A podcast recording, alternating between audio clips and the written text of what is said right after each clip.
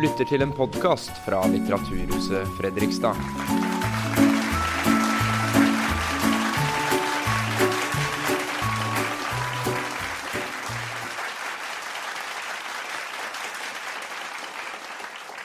Hej, jag heter Wenche och jobbar här på huset. I kväll har vi den stora glädjen av att önska Jan Guillou välkommen till Litteraturhuset Fredrikstad. Guillou er en av Nordens ledende og mest kjente forfattere, og han har norsk mor. Han slo igjennom med serien om den aristokratiske agent Carl Hamilton, som har blitt filmatisert av bl.a. Fredrikstad-regissøren Harald Svart.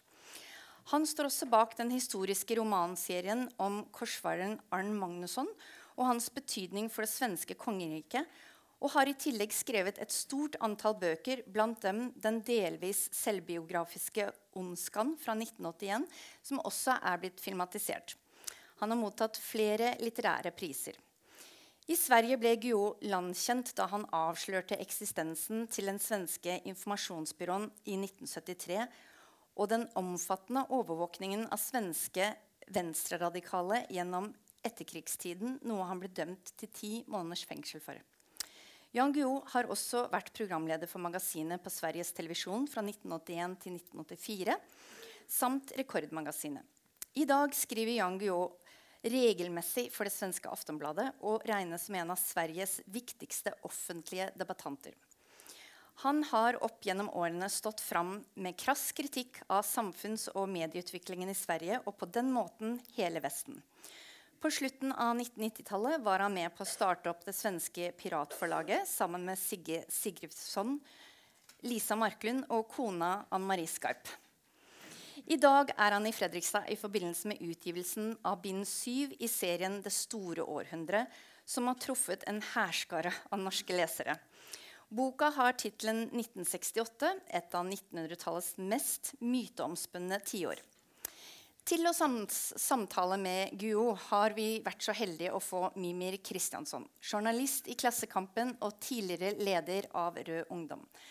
Han har boka 'De superrike' fra 2011, og i 2015 kom hans hittil seneste bok 'Frihet, likhet, Island'. Ønsk velkommen til Jan Guo og Mimir Kristiansson.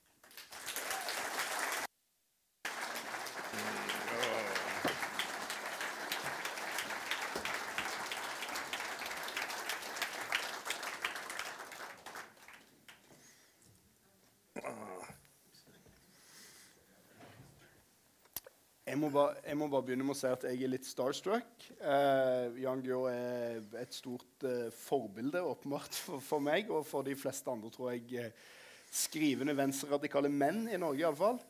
Um, jeg vil også bare opplyse deg Jan, om at uh, du har på en måte kommet inn på sosialdemokratiets pensum i Norge. fordi at i Norge så er det sånn at Hvis man spør en politiker fra sosialdemokratiet hvilken musikk lysner du på, så svarer de alltid Bruce Springsteen eller Åge Aleksandersen. Men hvis du spør hvilken bok leser du akkurat nå, så svarer de alltid 'den siste fra Jan Guillou'. så det er iallfall eh, si noe om, om, eh, om, sammenhengen. Altså, Vi skal snakke en del om, om eh, boken 1968, og også litt om eh, eh, vår tid i dag og verden som den er. Men jeg vil begynne med å, å, å, spørre deg på en måte, For dette er jo en del av en, en slektskrønike som skal vare gjennom hele århundret.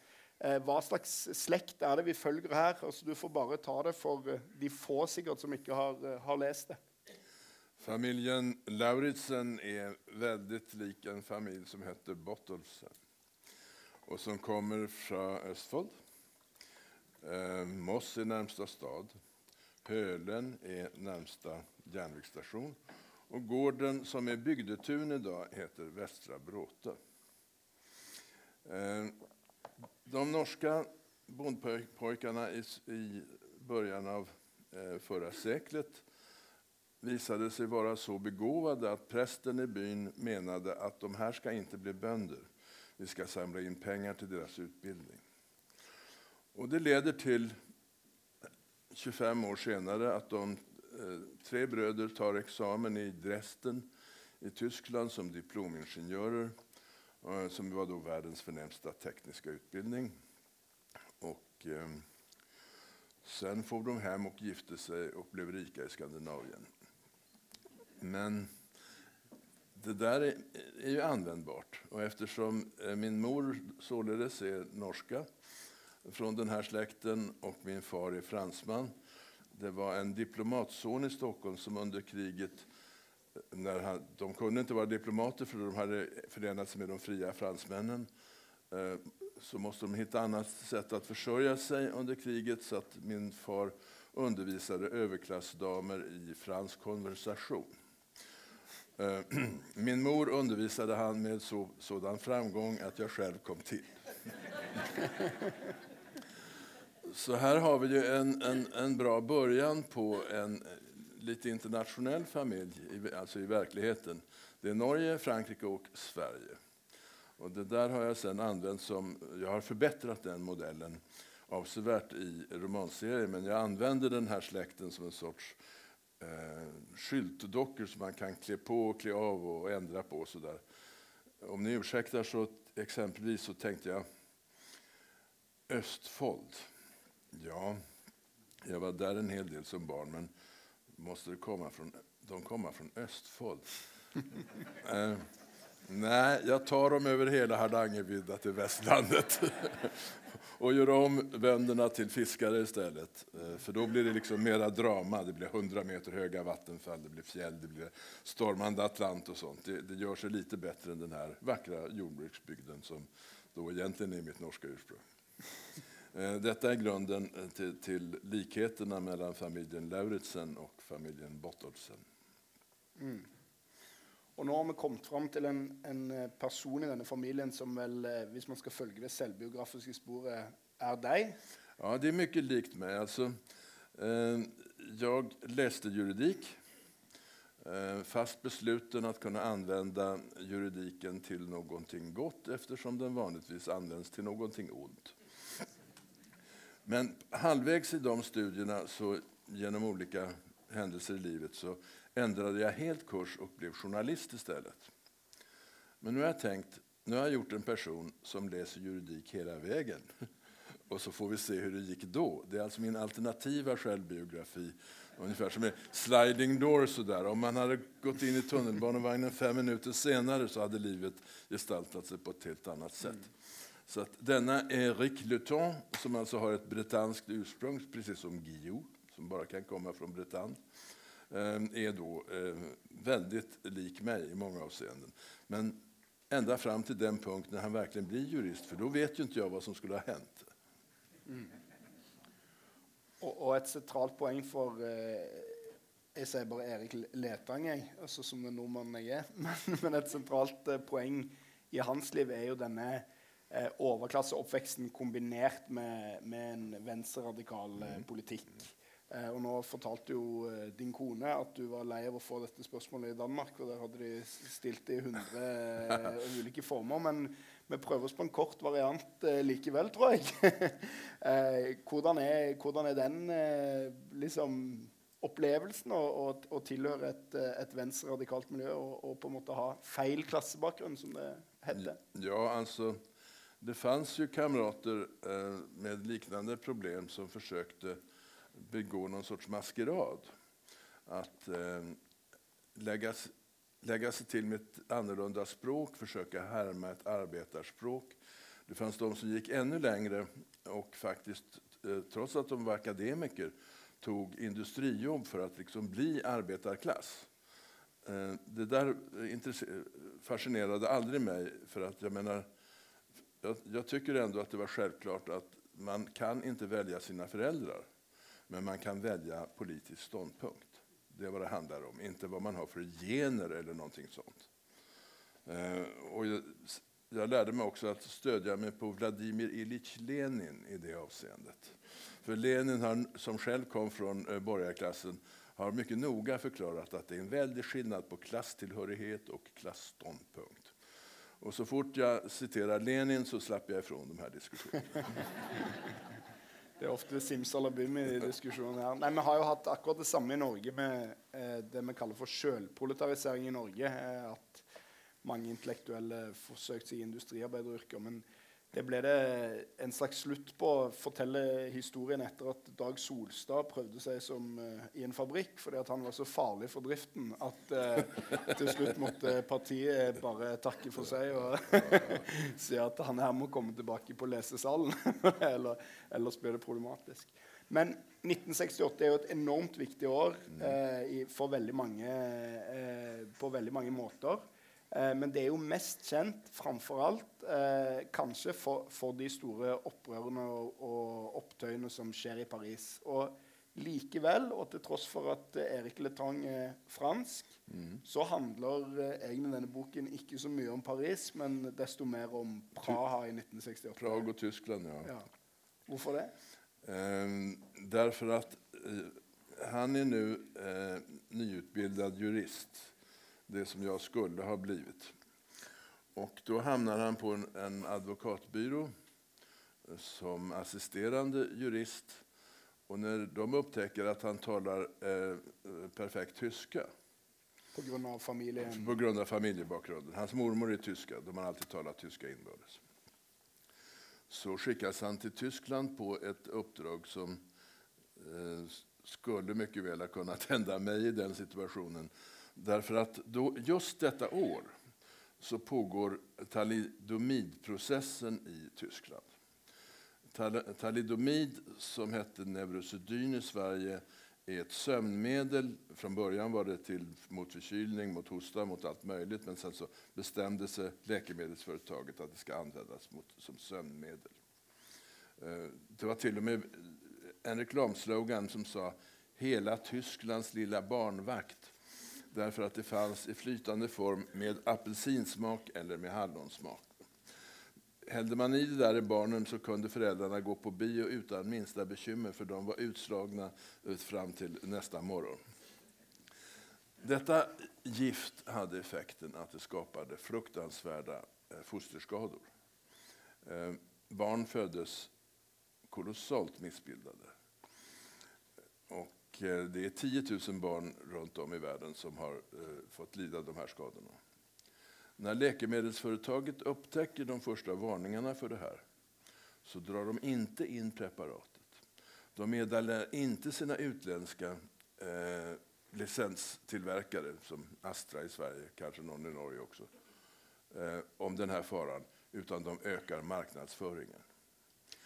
Vill man ha en metafor för ondsint kapitalism i praktiken så stämmer ju den här verklighetsskildringen perfekt. Och följaktligen, vad ska en ung radikal jurist sätta sig i arbete med på ett liksom, politiskt korrekt sätt i det här sammanhanget? Naturligtvis den här saken. Så att den var, och, och därför så får jag skicka honom till Tyskland eh, och arbeta på den pågående processen i Tyskland istället för till eh, barrikaderna i Paris. Och det tror jag blir bättre så. Og Der møter han på en eh, uten å røpe for mye om boken, der møter han på en, eh, en eh, kvinnelig aktorassistent som tar han med til Praha. Til Praga, ja. Og du må nesten, fordi Dette Praha-greiene tror jeg for mange eller Nå ser jo mange her som åpenbart levde i 1968, så sikkert ikke glemt. Men altså det, det Praha-greiene det er på en måte en litt underkommunisert side ved det 1968-året. Ja. Altså, det, det heter Våren i Prag en politisk rörelse som kom från partiledningen. Alltså det var inte en revolt underifrån, utan det var partiledningen som eh, ville reformera den råda, det rådande kommunistiska systemet eh, till, för att anpassa det till det slagord eh, man hade uppfunnit, socialism med mänskligt ansikte. Man hade alltså en, en sorts socialistisk grundstruktur med att, att eh, produktionsmedlen ägs av, av allmän, det allmänna och så vidare. Men man saknar ju demokrati. Det var ett förtryckssystem. Och nu skulle eh, Dubček, som partiledaren hette, och hans närmaste man, ekonomen Otaschik, reformera och göra, dem, göra demokrati av öststatskommunismen. Som projekt var det oerhört spännande. Och det var ju också väldigt tilltalande för eh, västeuropeiska vänsterungdomar och vi var många, jag var en av dem, som reste eh, till Prag den där våren och sommaren och träffade unga kamrater som var oändligt mycket mer bildade i marxism och leninism och i socialistisk historia än vad vi var. För det, det, det hade ju varit ingått som obligatorium i deras utbildning. Eh, så att det, var en, det var en mycket ljus tid och mycket förhoppningsfull, eh, men också naiv kanske. Kanske var det naivt att tro att Sovjetunionen skulle tillåta det där. Så i augusti 1968 så invaderar Sovjetunionen med allierade Warszawapaktsstyrkor eh, Tjeckoslovakien och så är det slut på socialism med mänskligt ansikte. Och i Paris eh, kvävs revolten på ett helt annat sätt. Både vänstern och de Gaulle trodde att man skulle vinna på att avbryta det här och sen ta ett allmänt val. Vänstern trodde att de skulle vinna. De Gaulle var mycket smartare. Han tänkte folk är så väldigt trötta på det här bråkande på gatorna så de kommer att rösta höger. Och så gjorde de det. Så att i slutet av detta år så är det liksom både revolten i Paris krossad, eh, bildligt, eh, med, fast med demokratiska medel, och re revolten i Tjeckoslovakien är krossad, fast med våld.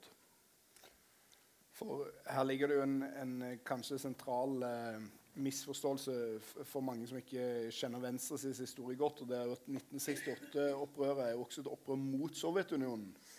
Eh, og du skildrer i boken en, en, kamerat som dukker opp med en ny Moskowitz-bil eh, på, på, et kollektiv og, og blir eh, ja, jaget derifra. He, hevet ut. Hevet ut. Men, men eh, prøv å beskrive den altså, stemningen. Altså, hva, hva, var det man tenkte om Sovjetunionen på den tiden? Jo, eh, vi var alltså maoister. Och i, i dagens eh, språköra så låter det väldigt egendomligt, alltså som någonting oerhört eh, exotiskt, eh, extremistiskt. Men den, eh, kunskapen om den nu pågående kulturrevolutionen i Kina var nästan ogiltig. Inte bara för oss i, i vänstern som tyckte att det här var ett bra projekt utan också för den stora delar av den svenska borgerligheten. Den svenska dåvarande kronprinsen uttalade att Mao Zedong var en av hans stora idoler i mänskligheten. Det är Carl Gustav alltså? Ja. Carl den 16 Gustav, då kronprins. För oss var, var det en, också en fantastisk eh, tröst att kunna angripa både det konservativa kommunistpartiet och socialdemokratin från vänster. Inte från höger, för det att klaga på skatter och sånt där, den, den typen av eh, politisk diskussion fanns ju redan. Utan vi stod till vänster om socialdemokratin och eh, det konservativa Sovjetinspirerade kommunistpartiet i Sverige. Och det, det var en politisk fördel som vi, vi eh, drog stor nytta av. Så att, att vara maoist då var inte så konstigt. Eh, det blev det för en del, men det tillhör undantagen. Utan det, var, det var ett naturligt sätt att kunna förhålla sig till en socialistisk idé utan att få Sovjetunionen körd i halsen hela tiden. Som ju annars alltid är vänsterns problem. Att ni vill ha det som i Sovjetunionen. Men det slapp vi under en kort tid. och, och, Du snakker om, om dette litt eh, kunstige ved maoismen. Du beskriver jo For det, det, preger jo denne boken veldig. At, og for så vidt mange av dine tidligere bøker òg, helt fra Hamilton-serien og alt mulig, at det er et litt sånn ambivalent forhold til, til venstresiden. At, mm. at, man tilhører venstresiden, men, men man er kan, kanskje ikke like fornøyd med alle menneskene man, man treffer der. Altså, du, du, skildrer jo en, en gjeng blant annet, som, som drar til svømmehallen og, og synkronsvømmer rundt et bilde av Mao Zedong. Ja, altså Dette er eh, för de som vill skapa nidbilder från den svenska 1968 så är eh, 200 personer i den, under ett års tid galna sekterister som har fått prägla en stor bild, del av eftervärldens bild av vad vi gjorde. Eh, det är orättvist, men det är också rätt, rätt göj. Alltså för att de här kamraterna smet in på Vanadisbadet i Stockholm. Det är ett utomhusbad tidigt på morgnarna, sex på morgonen innan det har öppnat. Och sen, sen simmade de i bassängen i formation med ett stort porträtt av Mao Zedong mellan sig. Därför att det hade kommit en sån bild från eh, Mao, Mao simmande i Gula floden. Och sånt där. Så, så att formationssimma var då en solidaritetshandling med Kina, eller hur de nu kan ha uppfattat det. Och det, det där är göj att berätta, så att jag har det också med. Men, men man ska sätta proportion på det. Vi var tiotusentals aktivister ute på gatorna i Sverige vid den här tiden och de här var 200. Och de, de dansade en sommar och sen var de borta. Men det är en, en følelse her av at, av at veldig mange venstreaktivister Du skiller också også disse såkalte barfotadvokatene.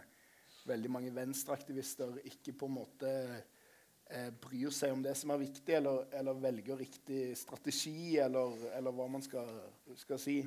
Ja, alltså, eh, vi, alla var vi ju i stort sett ovana vid eh, partipolitik eh, och att bedriva organiserad politik på det här sättet. Så att när man ska försöka kanalisera ett sånt här allmänt humanistiskt vänsterengagemang så, så riskerar man ju förstås att hamna i något, att istället för ett politiskt parti så bygger man en, en, en, en kristen eh, eh, frireligiös sekt av något slag.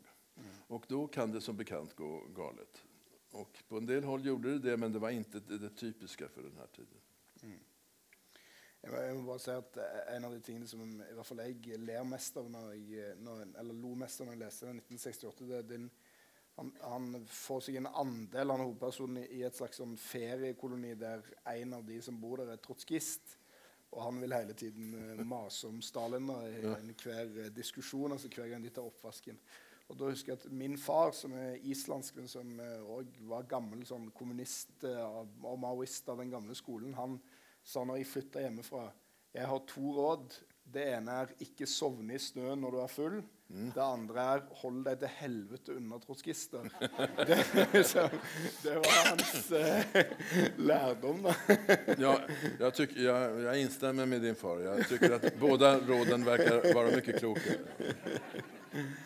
Nei, men eh, eh, nå, nå, ser du, som du sier flere ganger nå, altså, hva er, hva er det 1968-opprøret man ser tilbake på det neste år? Er det 50 år siden? Mm. Det kommer å bli alle slags kronikker i avisene. Og, og mm. det kommer til å finnes hundrevis av kronikker tror jeg, i høyrepressen om hvorfor det ikke betydde mm. noen ting. Det hadde ingen rolle, det var bare hippier og, og, og galskap. Altså. Mm. Hva tenker du at det, det har betydd det året for uh... det, ja, altså, Først om man ska förstå eh, händelserna vid den här tiden så måste man allra först försöka föreställa sig en värld som är enkel att begripa. En värld där alla kan se vad som är gott och vad som är ont utan att det är komplicerat. Svart och vitt skiljer sig. Och så, vi är en ung generation nu som ser det onda. Vi ser tre fascistiska militärdiktaturer i Europa. Grekland, Spanien, Frankrike. Eh, Frankrike, Portugal. Grekland, Spanien, Portugal. Och eh, Portugal bedriver tre kolonialkrig i Afrika inför öppen ridå. Guinea-Bissau, eh, eh Mosambik och, och Angola. Angola. Angola. Södra Afrika behärskas av apartheid. I tv kan vi dagligen se Vietnamkriget. Därför att vid den här tiden trodde amerikanerna att det var bra att eh, släppa in journalister i krig för att skildra sanningen. Och de amerikanska officerare som var löjtnanter och kaptener i Vietnamkriget, de är generaler idag. Så de vet, släpp aldrig någonsin journalisterna fria i ett krig. Så Vietnamkriget var det första och det sista så kallade tv-kriget. Allt detta är nu eh, helt på det rene alla kan se det här. Men varför drar inte alla samma slutsatser? Vi är en ung generation. Vi har inte med det eh, kalla krigets förutsättningar att göra lika mycket som den äldre generationen. Vi ser det, det onda och vi är emot det. Men då säger den äldre generationen politiker, också Socialdemokraterna, att är man emot det amerikanska engagemanget i Vietnam så är man kommunist. Detta är en våldsamt felaktig slutsats. Den är idiotisk. Eh, det räcker med att vara en god kristen för att vara emot engagemanget i Vietnam. Napalmbombning av försvarslösa sydostasiatiska byar dagligen som vi kan se i tv. Men den här kalla krigsstämningen eh, förvrider logiken så att också vår socialdemokratiska statsminister vid den här tiden ansåg att man var kommunist om man kritiserade USAs krig. Eh, så de hade fel. Men vi har också fel när vi nu säger okej okay, gubbjävlar, om det krävs att vara kommunist för att vara emot folkmord, då är vi kommunister. Naturligtvis, ni ger oss inget val. Och eh, det var inte så lätt att vara kommunist alltid, men det var ganska kul eh, göj på den tiden. För att det var ju mer än allvar i politiken. Vi hade ju fri kärlek också. Så att det, det, um, umgänget, umgänget underlättades eh, betydligt av den saken. Det står ju lite om det i boken. Är det lika självbiografiskt som allt andra, den fria kärleksbiten? Förlåt? Är det lika självbiografiskt som allt andra, den fria kärleksbiten? Ja, jo, ja. det kan man nog säga. Nej, men vad tänker du är liksom den viktiga, viktigaste arven från 1968 idag? Alltså, hur har det, har det format vårt eh, samfund? Som alltså, världen har ju ändrats så eh, till den grad att eh, man inte kan uppträda på samma sätt som 1968. Världen idag är inte tydlig. Idag kan vi inte se blixtsnabbt sortera gott, ont, gott, ont, gott, ont som en sorts självklarhet. Eh, vem är god och vem är skurk i kriget i Syrien? Mm, ni ser, alltså, världen ser inte likadan ut eh, som 1968. Och eh, där, där, därför är eh, det politiska livet mer komplicerat idag. Och då, därför är det svårt att jämföra med 1968. Mm. Tror du också det kan vara något med att vi har, eh, hvis du ser på en typ som Trump, att vi har på en måte blitt så eh, Det er vanskelig å si plassert eller så vant til det. Altså, USA de er jo skurker, liksom. Det, det, vet på en måte alle. Men ingen bryr seg likevel. Skjønner du? Ja, altså, ingen av oss kan forklare Donald Trump. Eh, det, det, går jo ikke. Altså, eh, USA är väldigt mycket. Eh, Eh, det bor goda amerikanerna längs östkusten och längs västkusten. Men sen har vi alla de där inne i mitten tydligen. Flertalet, som det heter. Majoriteten. Nej, eh, jag tänker, jag syns också en väldigt morsom passage i, i boken är, är eh, en kritik av eh, egentligen genom eh, är det mormor Johanne mm. sina ögon eller eh, grandtante eller vad det är. Att, att uh, där får man liksom förmedla en sån kritik av uh, en räcka brittiska författare, bland annat Kingsley Ami, som uh, tar ans, eller Kingsley Amis, jag vet inte hur man säger det, tar avstånd från detta att, att, litteraturen kan brukas till något politiskt. Mm. och det har jag ofta tänkt på med dina, dina böcker, att de är ju väldigt politiska samtidigt som de befinner sig innanför eh, vad ska man säga bestsellergenren. Mm. Mm. Eh, och, och, på måte, I vilken grad är det du, du tänker att, att uh, böckerna har en politisk uh, mission? Det är bara det, det, är det som är grunden. Alltså, och då innebär 1968 en, en ganska djup personlig kris för mig själv när det gäller eh, att skriva. Därför sen tonåren och nu på, fram genom studier på universitetet så närde jag en dröm om att bli författare. Eh, det var, eh, tog jag väldigt allvarligt. Eh, men jag skulle förstås bli en fin författare. En sån som inte har några läsare.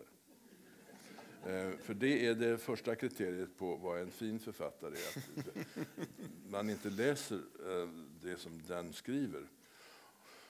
Och det låg ju väldigt nära till hands för mig då för att, eh, att börja imitera något som heter den nya franska romanen. Det var en, en stil à la mode i Frankrike. Passade då mig perfekt. De skrev obegripliga böcker. Teoretikern för den nya franska romanen heter Alain Robbe-Grillet och han formulerade tesen att en roman ska inte ha några huvudpersoner och ingen handling.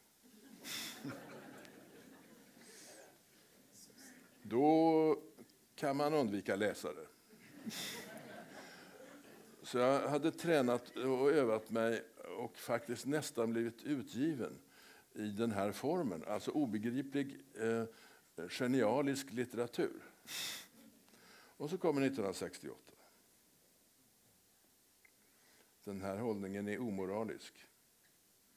Det är fullständigt ansvarslöst att tänka sig att detta ska vara vad man ska författa.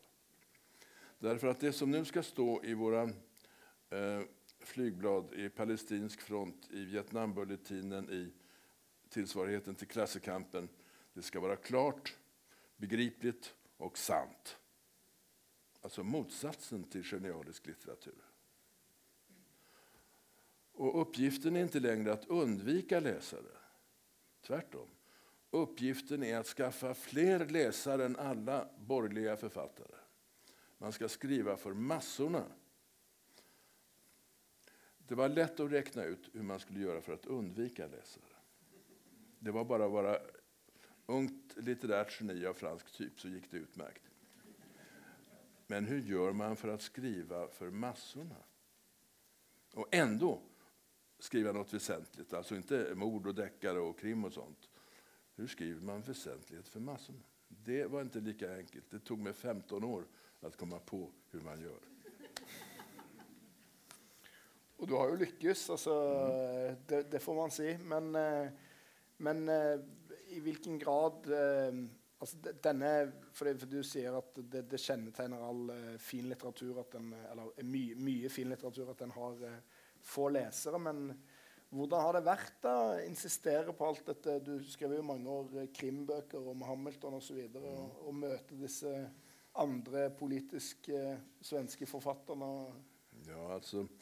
Eh, Hamilton är kanske inte riktigt krimböcker, men möjligen släkt med det hela. Men eh, krim har ju den fördelen, ur, om man tänker sig politiska avsikter hos en författare. Att visa mig vilka poliser och förbrytare du har i ditt land så ska jag säga dig vilket land du lever i. Så att krim är mycket politiskt tydlig genre, om man vill använda den så. Vilket ju väldigt få författare egentligen gör, även om alla säger att de är så samhällsengagerade. Men äh, spioner är till och med ännu bättre. Därför att här handlar det om den hemliga maktutövningen. Man får en möjlighet att skildra den. och äh, Det, det blir, blev då för mig en, en, en, vägen ut ur genialiteten och vägen fram till masslitteratur. Och det, det inträffade därför att jag under den här vänstertiden som journalist specialiserade mig på att skriva om säkerhetspoliser, om åsiktsregistrering, om agenter i vänsterorganisationerna. Så att jag blev specialist på ämnet helt enkelt. Jag läste också eh, all historisk litteratur om underrättelsetjänst, och spioneri och säkerhetstjänst och sånt. Så att jag eh, blev till slut eh, tillräckligt bra på ämnet för att skriva så väl så att jag hamnade i fängelse. Och fängelse har vissa förtjänster som man kanske inte tänker på i första hand.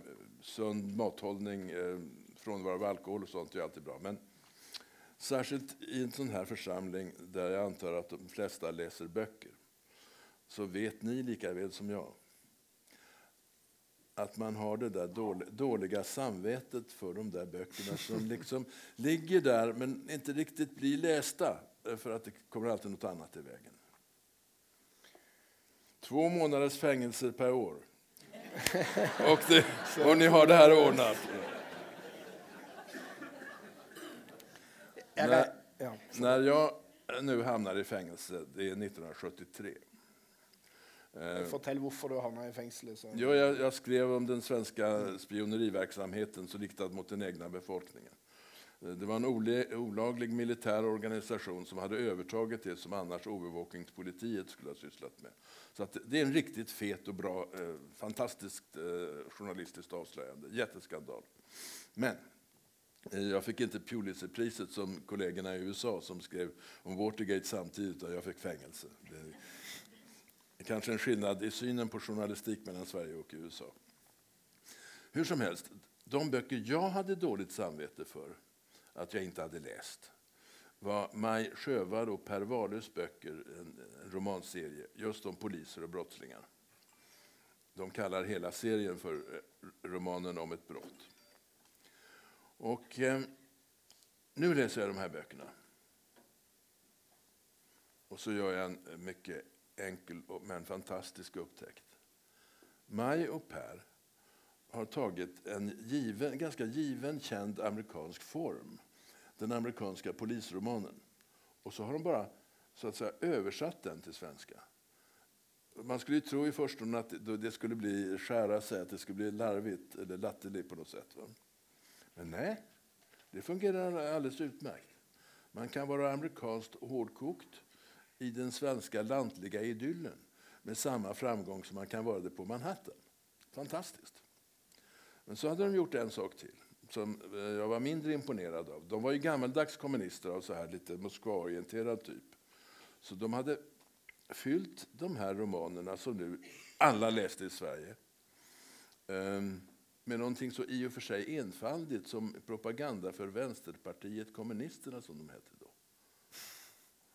Och det visar att huh, hittar man en sån här form så kan man ju fylla det med eh, vilket som helst politiskt innehåll eftersom den amerikanska varianten den ligger, alltid långt till höger. Och Maj och Per har skrivit Vänsterpartiet kommunisterna och det fungerar. Det här kan jag göra. Äntligen. Där har vi koden. Jag ska, inte göra det med eh, poliser. Jag har ett väldigt överskottskunskap eh, från mina journalistår i, i, i antispioneriets tjänst. Jag ska skriva om spioner. Och där börjar det. Och detta skönte du medan du satt i fängelse? Ja. det är en fantastisk historia. Alltså. Nej, jag har alltid varit osäker på det där själv, om liksom att det finns ju många litterater, i alla fall på vänster som synes att mena att formen i sig själv är så radikal att mm. man, man, skriver, som du säger, oförståelig litteratur. Att, att det är mycket viktigare än, än, än det andra. Um, jag tänkte, en ting som jeg tenker på når jeg leser denne boken, og, og for så vidt de andre, det er jo at du er jo en eh, Hva skal man si eh, Merkelig venstresidefigur på et eller annet vis. Altså, du, du, passer jo ikke inn i de faste kategoriene disse og disse og sånn og sånn. Eh, og, og, du har en slags ambivalens i at, at du også ser på resten av venstresida og ser dette du er enig kanskje i åsiktene, men, men skeptisk til mye av eh, mm. framgangsmåten. Men hvis du skulle sett på, på f.eks. Eh, svensk venstreside i dag og tenkt eh, hvordan er det den eh, går fram eller fungerer Du skriver litt om politisk korrekthet også i, ja, i denne altså, boken. I, den, Norge er vi veldig opptatt av at Sverige er så det, annerledes. Det har skjedd en förflyttning åt höger över hela det politiska fältet. Så att det politiska parti, det före detta kommunistpartiet som idag heter Vänsterpartiet i Sverige, står nästan exakt på samma ståndpunkter som Socialdemokraterna 1968. Så Vänsterpartiet är för mig ett gammalt bekant socialdemokratiskt parti sen, fast några år tillbaks. Till vänster om dem finns ingenting utom anarkister och, och ehm, eh, fria aktivister eller vad vi ska säga. Och Socialdemokraterna är ett borgerligt parti, eh, ett mittenparti som med mycket små skillnader till, till Folkpartiet och Centerpartiet. Och sånt där. Så i det där utrymmet som finns nu till vänster om det nya socialdemokratiska partiet, Vänsterpartiet, eh, där saknar man exempelvis det vi hade, det här tydliga internationella engagemanget. Det finns inget Vietnamkrig. Eh, det finns ingen apartheidsystem, som, eh, i vart fall ingenting lika tydligt som då. Så att det råder lite mörker och förvirring eh, ute i denna vänster i jakten på en, en, de rätta frågorna att driva. Och ehm, det, där drar många fel slutsatser. Eh, en del mycket unga kamrater tror att det är rätt att slå sönder skyltfönster och slåss med polisen. Och eh, som gammal 68 kan jag säga att nej, det är inte rätt. Mm. Men, men vad, vad har skett med alla de gamla 68 alltså, du, du försöker hålla liv i det, men man ja. hör om detta fantastiska år och i 1968 var så många radikala och sånt. Men, det är ju i livet fortsatt, men eh, vad, vad är det Jo, med? någon har sagt att 68 inledde därefter den långa marschen genom institutionerna.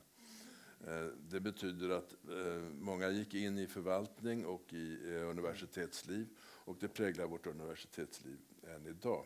Vill man hitta spår efter 1968 års po- politik i dagens Sverige så kan man finna det på två områden. Eh, det ena är att vi är ett av världens absolut mest jämställda länder när det gäller förhållande mellan man och kvinna. Det kom från 1968.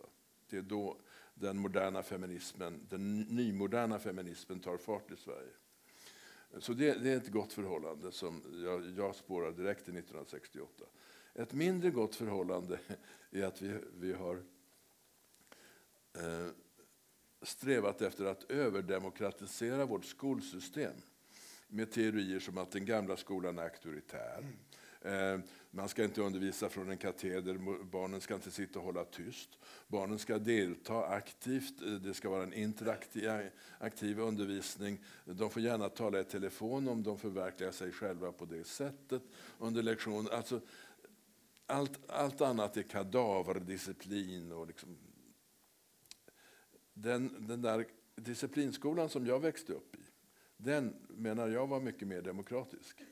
Eh, på 50-talet så får alla svenska barn gå i vidareutbildning gratis oavsett föräldrarnas förmögenhetsställning.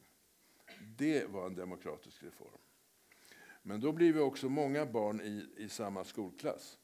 Och då gäller ordning och reda, för annars går det inte. Eh, på så vis kom arbetarklassen för första gången att åtnjuta möjligheterna till högre undervisning. Och, eh, mängder av unga svenskar kunde göra karri- en karriär som hade varit omöjlig i det tidigare systemet. Men nu när den här eh, auktoritära skolan raseras och ska överdemokratiseras och privatiseras, alltså det kommer ett förstörelsekraft från höger också. En från vänster med att vi ska ha allmän anarki i skolan och en från höger som säger att vi ska privatisera det så att de rika får bättre skolor än de fattiga.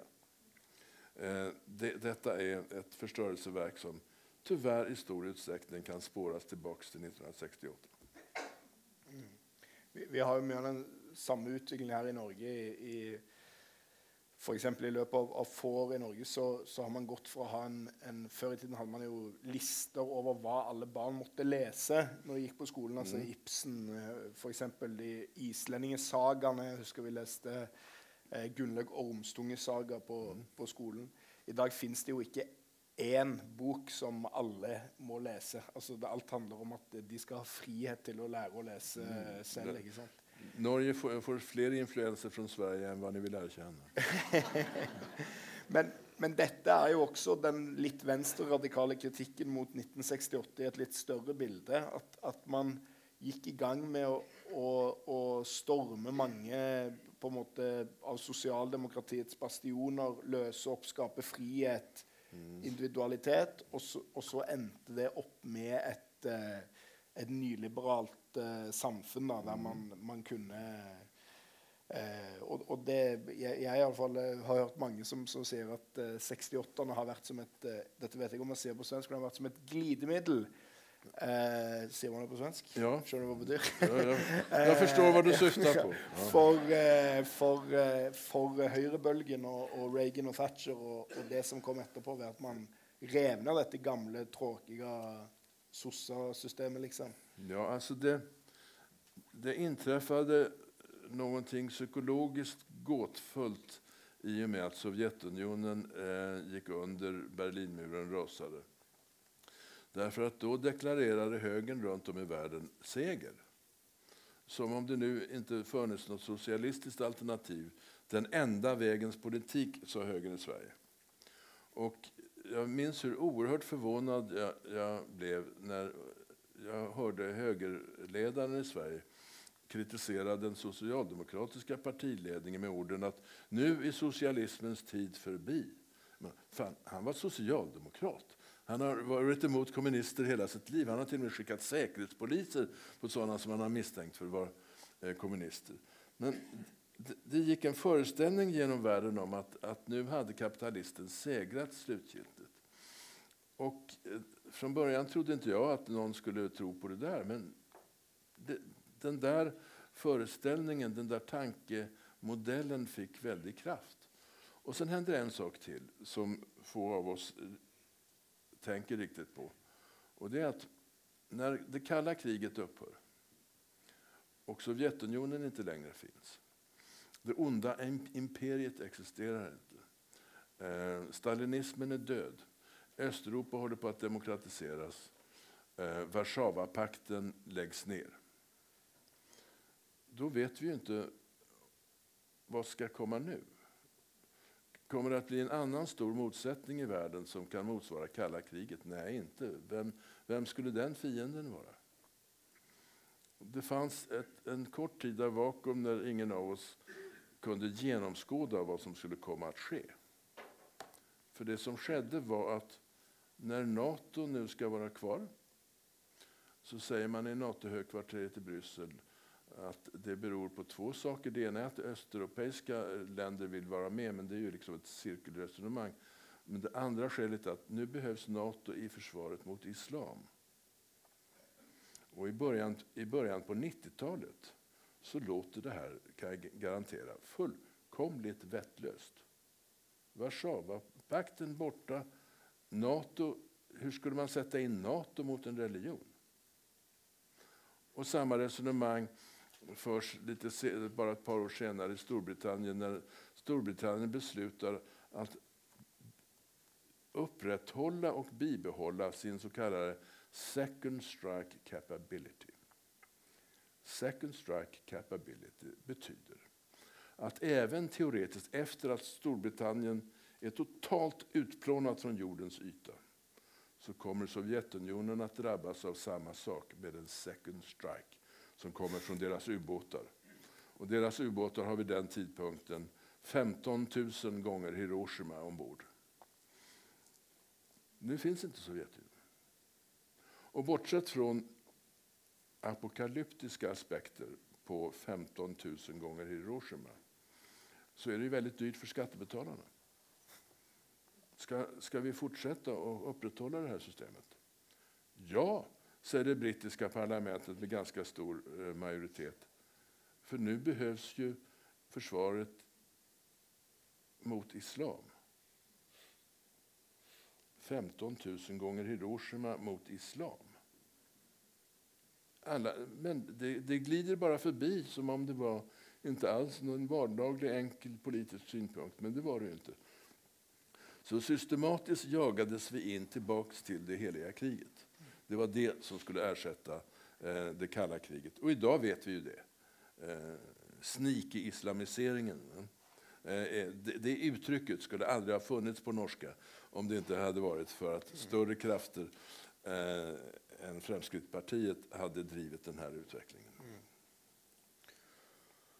Och Norge i alle fall så, så har denne eh, saken her, eh, eller spørsmålet om islam, det har, har splittet venstresiden veldig, egentlig. Altså at det, det er mange som eh, på venstresiden, og, og gamle 68-er, ikke sant, som Pål Steigam, blant du kjenner kanskje han, så, som insisterer på, på en sånn anti-islamsk holdning nettopp av de eh, grunnene som man var mot kristendommen og, og religionen ja, før i tiden. Ja. Det, eh, det är alltså... Det har, det har piskats fram systematiskt och metodiskt från eh, eh,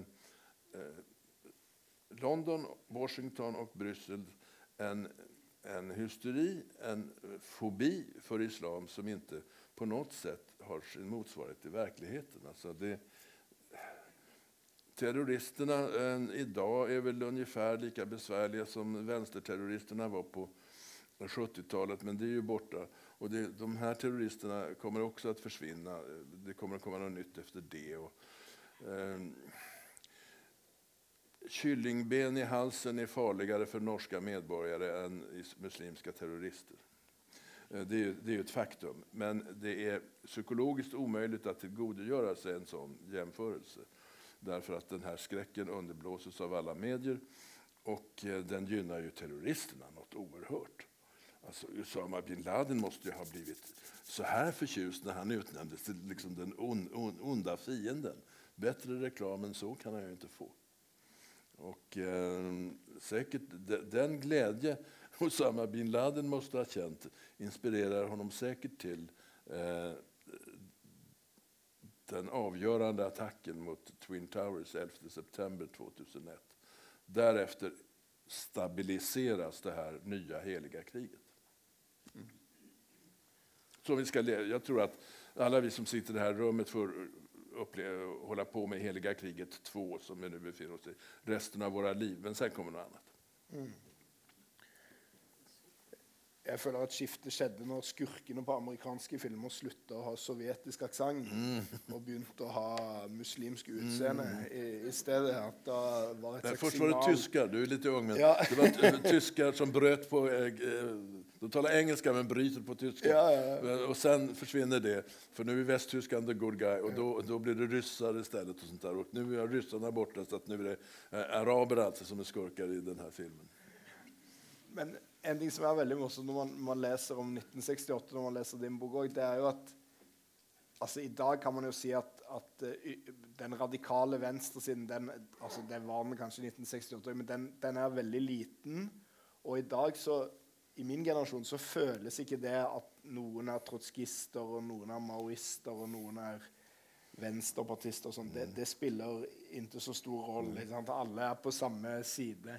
Men i 1968 da, Og du beskriver en scene der han, eh, hovedpersonen eh, Erik eh, blir eh, truet med å kastet ut av, eh, av eh, Sosialistiske jurister. Sånn at da hadde man en, en, veldig streng disiplin på hva som var ja, lov og ikke ja. lov. Jo, altså, Sosialistiske jurister fanns på den juridiska fakulteten i Stockholm. Jag var själv med där. På Juridicum i Stockholm studerade vid den tiden 2500 studenter. Socialistiska jurister var 25. Eh, men vi tog makten över tidningen. Men den liksom holdningen, den at man på en måte jakter på de rettroende man, man sier disse og disse er innenfor Altså, Hvilken stor rolle kan det ha spilt i 1968 om man var med i denne fraksjonen eller denne? liksom? Hvorfor, ble det så, hvorfor var man så slemme med hverandre? da? For, for... Der, derfor at vi, inte har, vi kommer ikke fra en politisk tradisjon. De fleste av oss sikkert eh, betydelig nærmere mm. Eh, til noen sorts eh, frikyrkelig kristen tradisjon. Så att vad vi bildar är inte så politiska organisationer som vi tror utan eh, organisationer som i mycket kommer att likna kristna sekter. Därför denna väldiga moralism. Eh, det fanns organisationer där, där man inte fick, skäm, man fick inte skämta om politik, eh, för det var alldeles för allvarligt. Man eh, fick inte äta chokladkakor under möten. Eh, fy, alltså det, det fanns den här, den här moralistiska hållningen kunde slå igenom ibland och göra det politiska livet väldigt tråkigt. Men det här var inte systematiskt. Det här slog väldigt olika olika organisationer. Till och med inom samma partibildning kunde det vara ett, på ett sätt i Göteborg och på ett annat sätt i Stockholm. Så det, det, man, skämtade man om fel saker så kunde man ställas till svars inför kamrater som hade munnar som streck och aldrig skrattade och, och tyckte att vissa skämt var väldigt politiskt olämpliga. Eh, och den här, det, det, här var ett av våra stora problem. Men det blir, detta problem blir ju sen desto större när festen börjar ta slut. Och mm. Den fest som vi talar om eh, kallas 60-talet i politiskt avseende. Det politiska 60-talet börjar 1965, någon gång på sommaren och tar slut Eh, den 1 maj 1975, 16.30 på eftermiddagen. Där tar det slut. Varför det? Jo, den dagen eh, demonstrerade eh, demonstrerar vi för sista gången i en Vietnamdemonstration. 50 000 människor minst i Stockholm för att vi firar den vietnamesiska segern. Vietnam hade mot all rim och reson faktiskt besegrat USA på slagfältet. De hade besegrat USA militärt. Det hade vi faktiskt inte räknat med. Och nu när Vietnamfrågan är borta eh, så finns det ingenting som kan ena en vänster längre. Och nu är frågan om man ska vara trotskist, eller om man ska vara marxist-leninist, eller om man ska vara si, eller om man ska vara så. Och de, den, de frågorna är väldigt svåra att reda ut. Bara tre år senare, 1978, så befinner sig Kina, Vietnam och Kambodja i krig.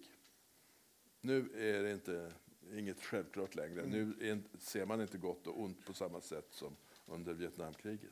Mm.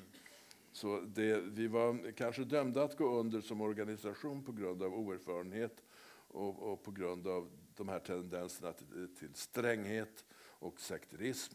Eh, jag blev utesluten 1977 eh, ur det, det här marxist-leninistiska partiet eh, för att jag hade skämtat för mycket och för att jag inte tog... var det hela grunden? Ja, nej, inte hela grunden. Den, formella, den, den formella grunden var att att eh, jag inte trodde på eh, att, eh, proletariatets diktatur. Jag uppfattade dogmen om proletariatets diktatur ungefär som den kristna trosbekännelsen. Eh, den innehåller orimligheter, eh, logiska orimligheter. Men den är ju den, den är där av tradition och är, man får tolka det lite hur man vill. Mm. Alltså, men det, det, det, är snarare en liturgisk verklighet mm. än en intellektuell verklighet. Och det, det trodde jag om proletariatets diktatur också. Men det var somliga kamrater som inte alls såg, såg på den saken. och det var lika så gott att åka ut eh, ur ett, eh, ett, detta politiska parti som ur vilket som helst annat politiskt parti.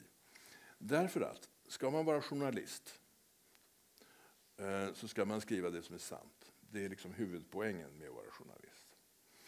Och, och min personliga slogan var att Sanningen är alltid revolutionär.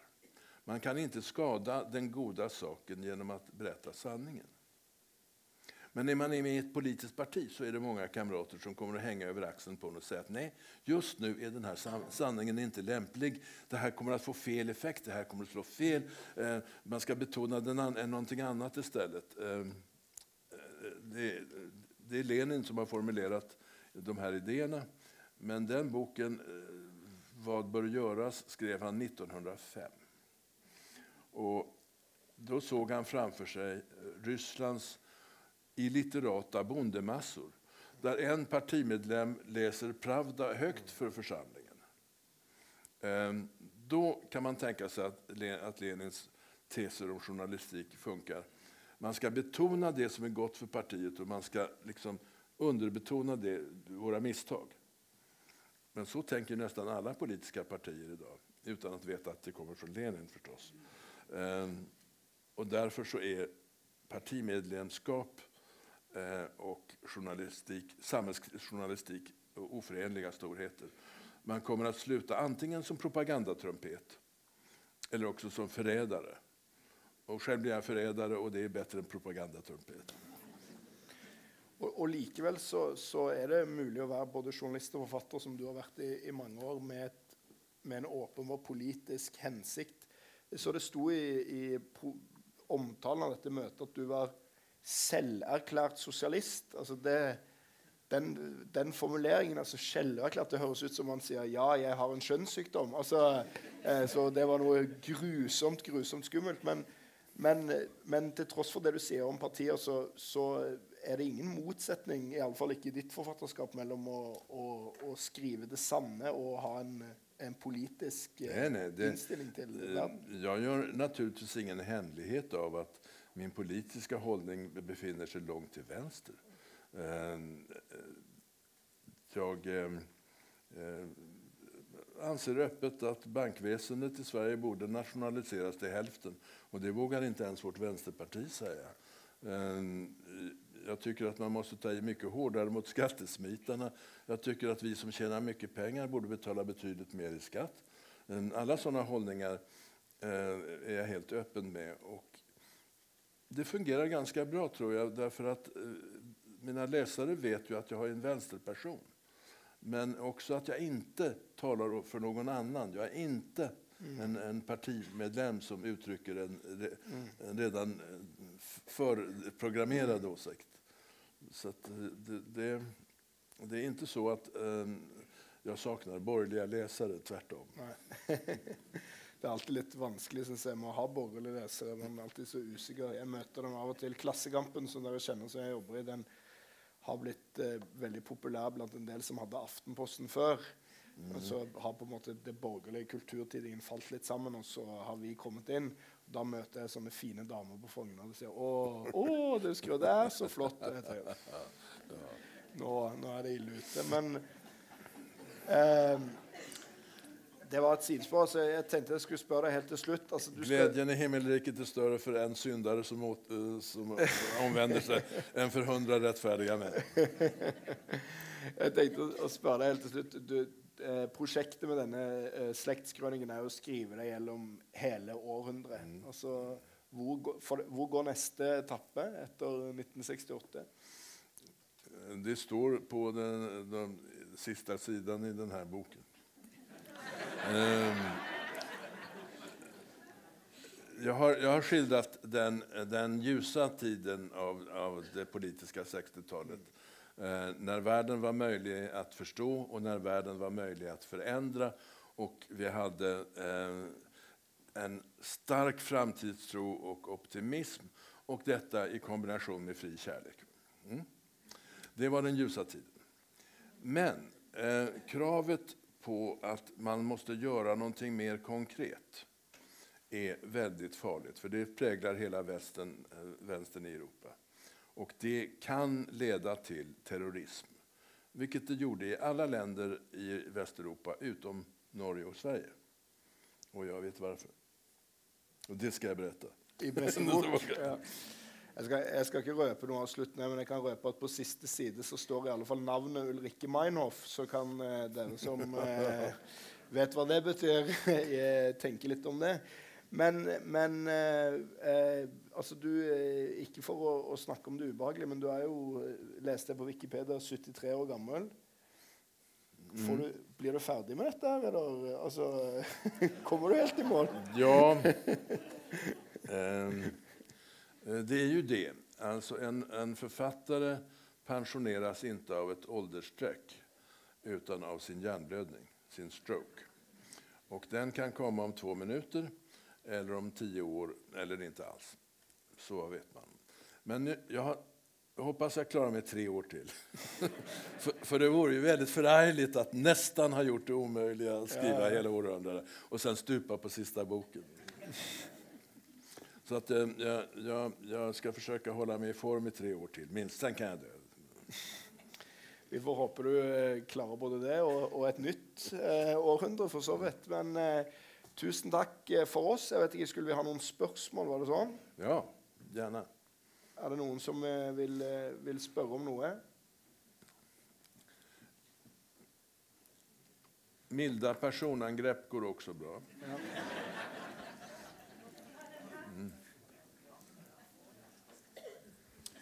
Hej, jag heter Lars Andersson, är bosatt i Sarpsborg i Norge.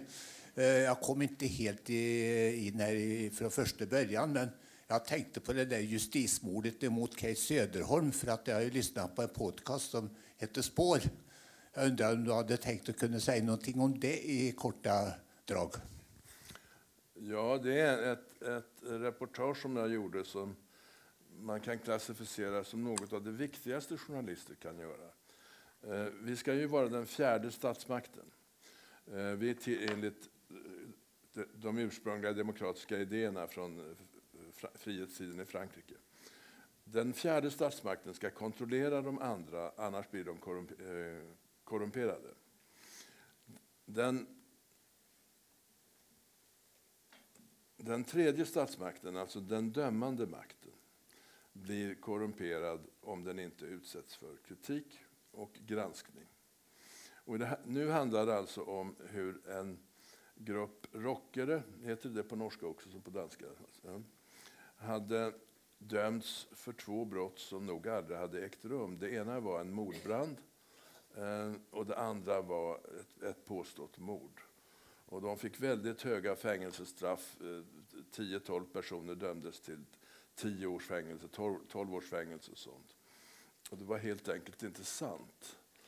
Och, eh, några äldre kvinnor, släktingar till en av de här eh, mera kända eh, personerna i den gruppen, han hette Kate Cederholm, skrev till mig och sa att detta var ett justitiemord. Jag satt upp på Sveriges Television och hade ett samhällsprogram eh, som instrument. Alltså en, en, stor, en stor stark klubba. Och jag svarade att, att um, jag ska läsa den där domen men ni ska inte ha några förhoppningar därför att um, brottmål brukar ha som konkret bevisning. Så att det, det, jag kan inte tänka mig att det här skulle vara fel. Men sen läser jag domen och ser att det här är någonting väldigt lurt. Alltså. Det här, här är lurt på svenska. Um, här är uh, skummelt. Uh, här, här, det här stämmer inte. Så satte jag igång och arbetade med saken och ett, ett år senare så kan jag bevisa att, att, huvudmannen inte var närvarande vid den eventuella brottsligheten. Och det här leder vidare in i eh, en genupptagelsesak. Och eh, han får genupptagelse, en ny, en ny domstol och frias. So far, so good. Men nu var ju han eh, påstådd ledare för de här brotten som hade aldrig ägt rum. Och då skulle man kunna tänka sig att de andra eh, som är dömda för att ha tagit order från honom också skulle få genupptagelse, men det fick de inte. Ehm, beroende på att rättssystemet inte ville acceptera en sån, eh, en sån gigantisk skandal. Å ena sidan. Å andra sidan också att jag hade alla medierna emot mig. De hade beskrivit alla som skyldiga och hatade varje påstående som kom från min sida om att de hade haft fel. Detta är historien i, i korthet.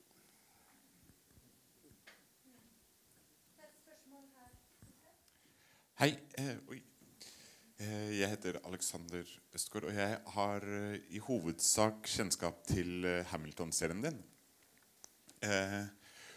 Og gjennom den serien så får man et solid inntrykk av at du har en vanvittig kunnskap. Og også om ting som ikke nødvendigvis andra andre har kunnskap om, som du også da har blitt dømt for. Eh, har Eller er det, er det, mye i disse bøkene hvor, du også kommer med en del teorier eh, som er et eh, slipp på kunnskap som du kan eh, tillate deg i skjønnlitterær form, men som ikke egner seg i artikkelform? Ja, absolut. Eh, det var ju så här eh, att efter sju års specialisering på säkerhetspoliser och underrättelsetjänster, agenter, infiltratörer, hela detta kunskapsområde, så dög en, en mindre del av den här kunskapen till journalistik. Det man sätter sitt namn på som journalist måste ju vara garanterat sant i varje stycke. Och är, skriver man om någonting så kontroversiellt som statens förföljelse av medborgarna så betyder minsta lilla misstag att staten kommer att peka på det misstaget och försöka bagatellisera allting. Så att man får, särskilt i ett sånt här kontroversiellt ämne, vara mycket restriktiv med vad man vågar publicera som journalist. Men det innebär ju att jag har ett stort förråd där bakom av nästan sant, antagligen sant, förmodligen ligger det till så här. Så där brukar de göra förr, de har nog gjort det nu. Och i romanform duger ju den typen av kunskap utmärkt.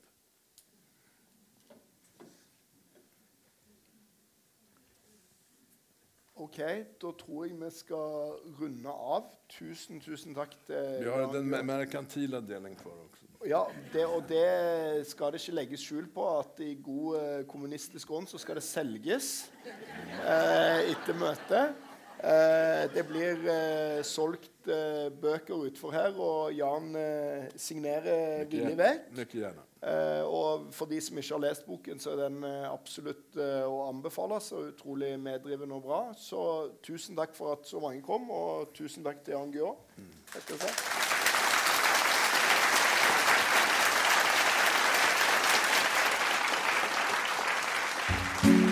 Nå har du hørt en podkast fra Litteraturhuset Fredrikstad. For mer informasjon, klikk deg inn på litthusfred.no.